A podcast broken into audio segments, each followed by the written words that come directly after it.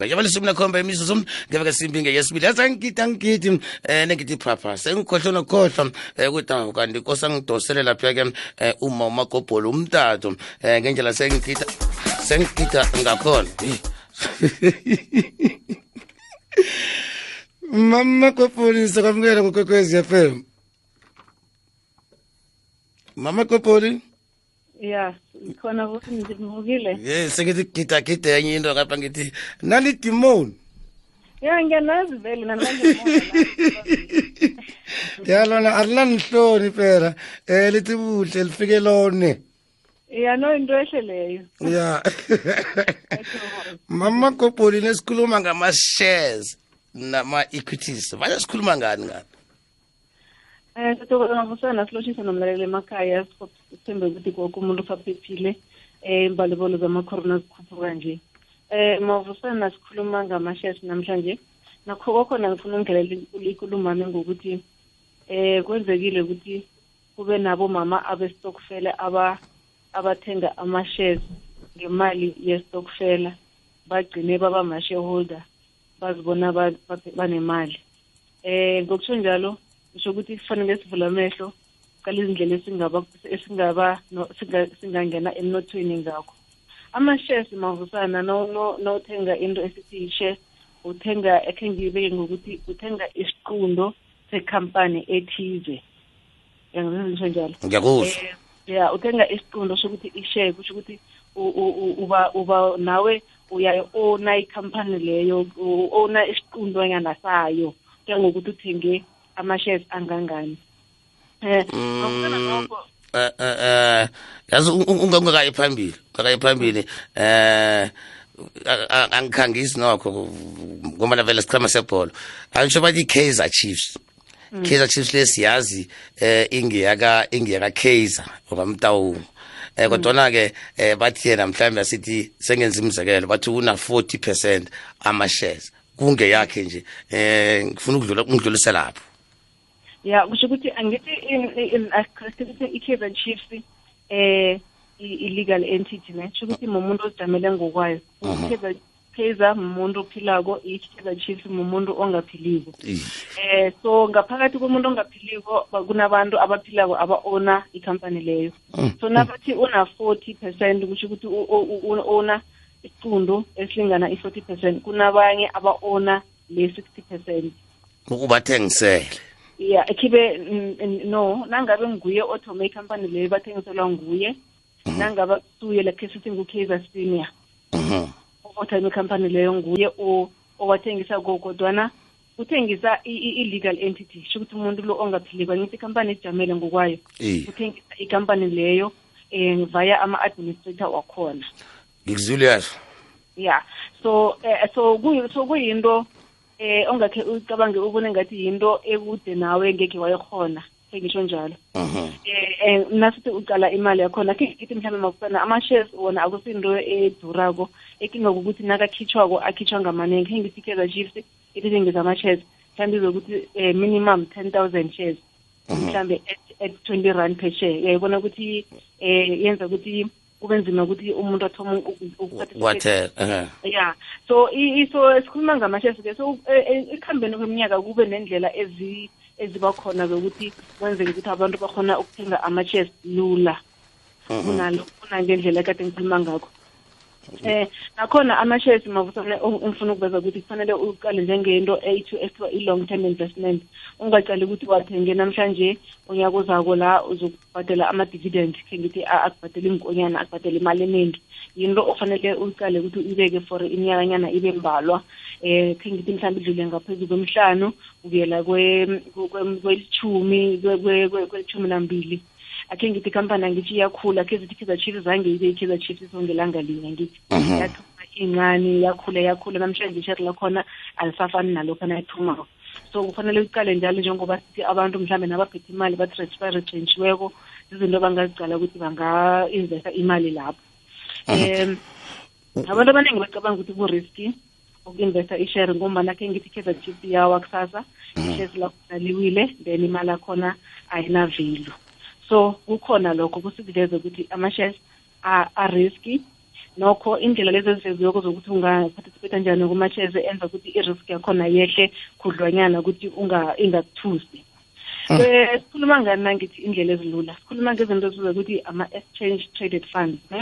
Ama-exchange traded funds usho ukuthi uthenga amashere um ke ngithi um asibekise so.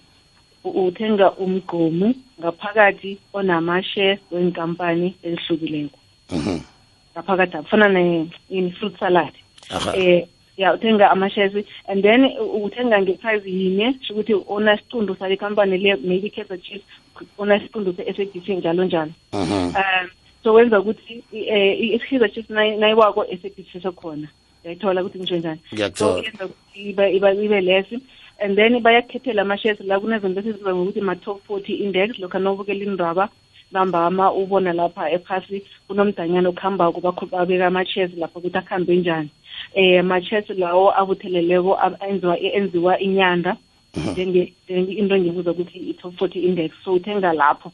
Eh ama i-price yakhona iyakhuphuka iyehla ngama qobe mihla ayikajami lakho lapha lakho lapha kunye. Eh nasithi eh mabusana kuba lula ukuthi wathenge nakenziwe inyanda njalo sitsho ngani? Kusho ukuthi ungathenga ishere li-one ngemali encane engalingani i-five rand. Fana ungenza mhlambe into efana ne-debit order uthenge umgqomu eh sho ukuthi nowenza i-debit order mhlambe i-minimum yakhona three hundred rand ungawathengako i-three hundred rand leyo bakunikeza umgqomu ona-three hundred rand yama-shares. Awu-affordako uyangisiza ukuthi ibereka njani? Ngiyakuthola. Yeah then ungayenza na-online mabusana kulula khulu ukuthi ungayenza nefonini uthenga ama-shares. Okulula ukuthi wenze i-debit order ikhambe every month ikuthengela ama-shares. Inyanga ezako na-six hundred inyanga ezako na-nine hundred worth ama-shares. Ngisa uyawathengisa eh ubuye uthole inzuzo yakhona ngabe imali ama-price wakhona iyakuvumela ukuthi unenzuzo. Wo abhadela ngenyanga? Eh no akithi akakubhadeli ngenyanga. Wena uyabeka uyabeka.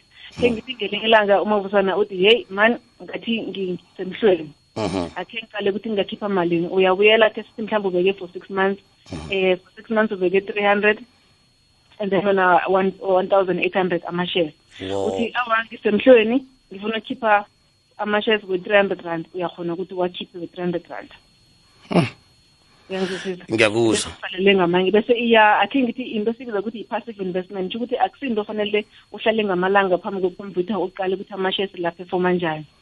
Uyabeka uyaqhubeka uraga nempilo inyanga ezako uyathatha godi uyaqhubeka nempilo uyazi nosolo okhuluma nje ne um ngifuna khungibekele ngokomntamunye um ukuthi nesikhuluma nge-long term savings um umuntu azwisise kuhle.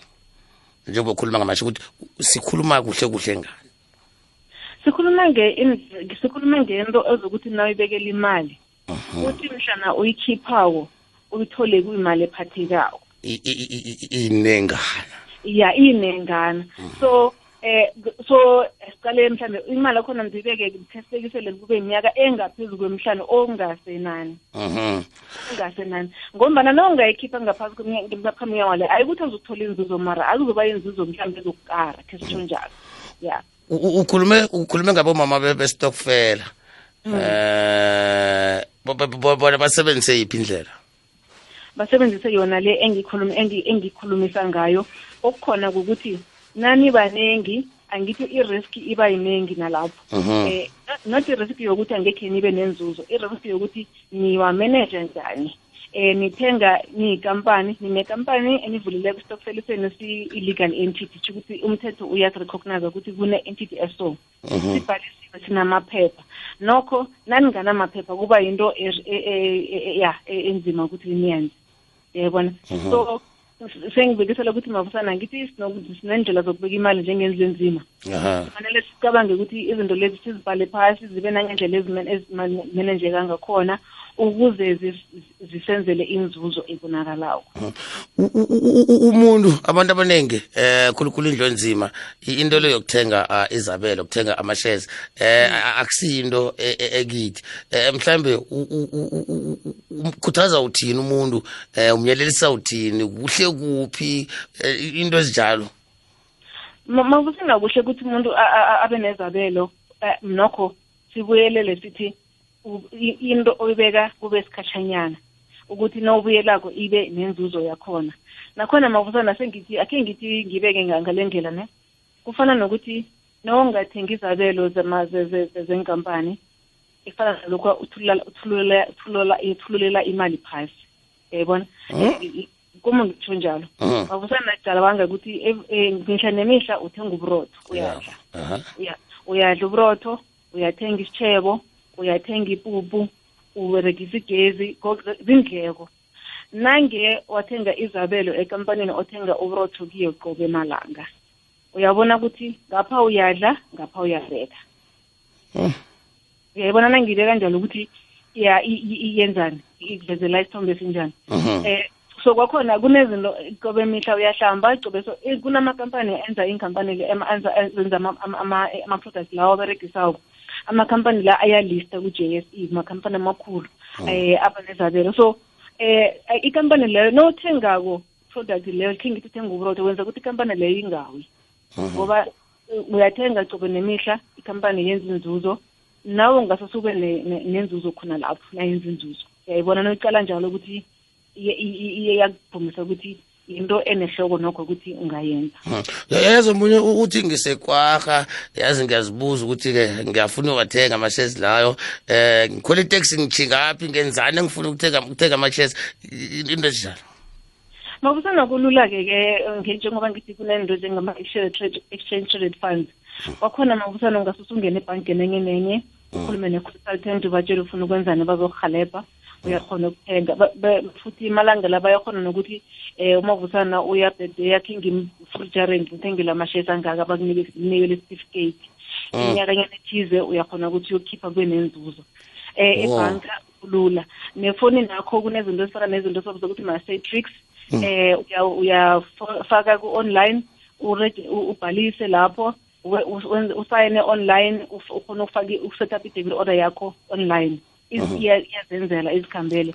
Angithi uyabona icorona sifundisile ukuthi singacali singaqali ukuthi ngide sikhwele iteksi siye kuphi kuphi amalanga sesiqale senza izinto ngendlela ezinye ezithize. Ngamanye amagama ukuthenga ama-shares akufuna ifundo yakho kufuna imali yakho iya n- nakhona naw- nawubona ukuthi ehloko kunzinganyana kunzinyanyana. Thola umuntu oseduze ufonele nje ufonele umama gubhule akuhlathululele ukuthi uyenze njani. Ya nofana noma kungenye kungenye nenye financial financial advisor nokho angithi izabelo it's a financial product. So umuntu okuthengisela yona kumele kube umuntu oyi-financial advisor o-certified ukuthi angithengisa akwazi ukubonisa kuhle. Ah ilwazi osabelelo liqakathekile. Bakufunyana njani ngokufitshazana mabusana sitholakala ku-facebook pa- page yethu matsheleni eh emtatweni 082317 7768 ku-twitter at matsheleni ngithokozela ngitsho mama khopoli thokoze thina mabusana. Aha half past two kukhanya ba. Kukhanya ba.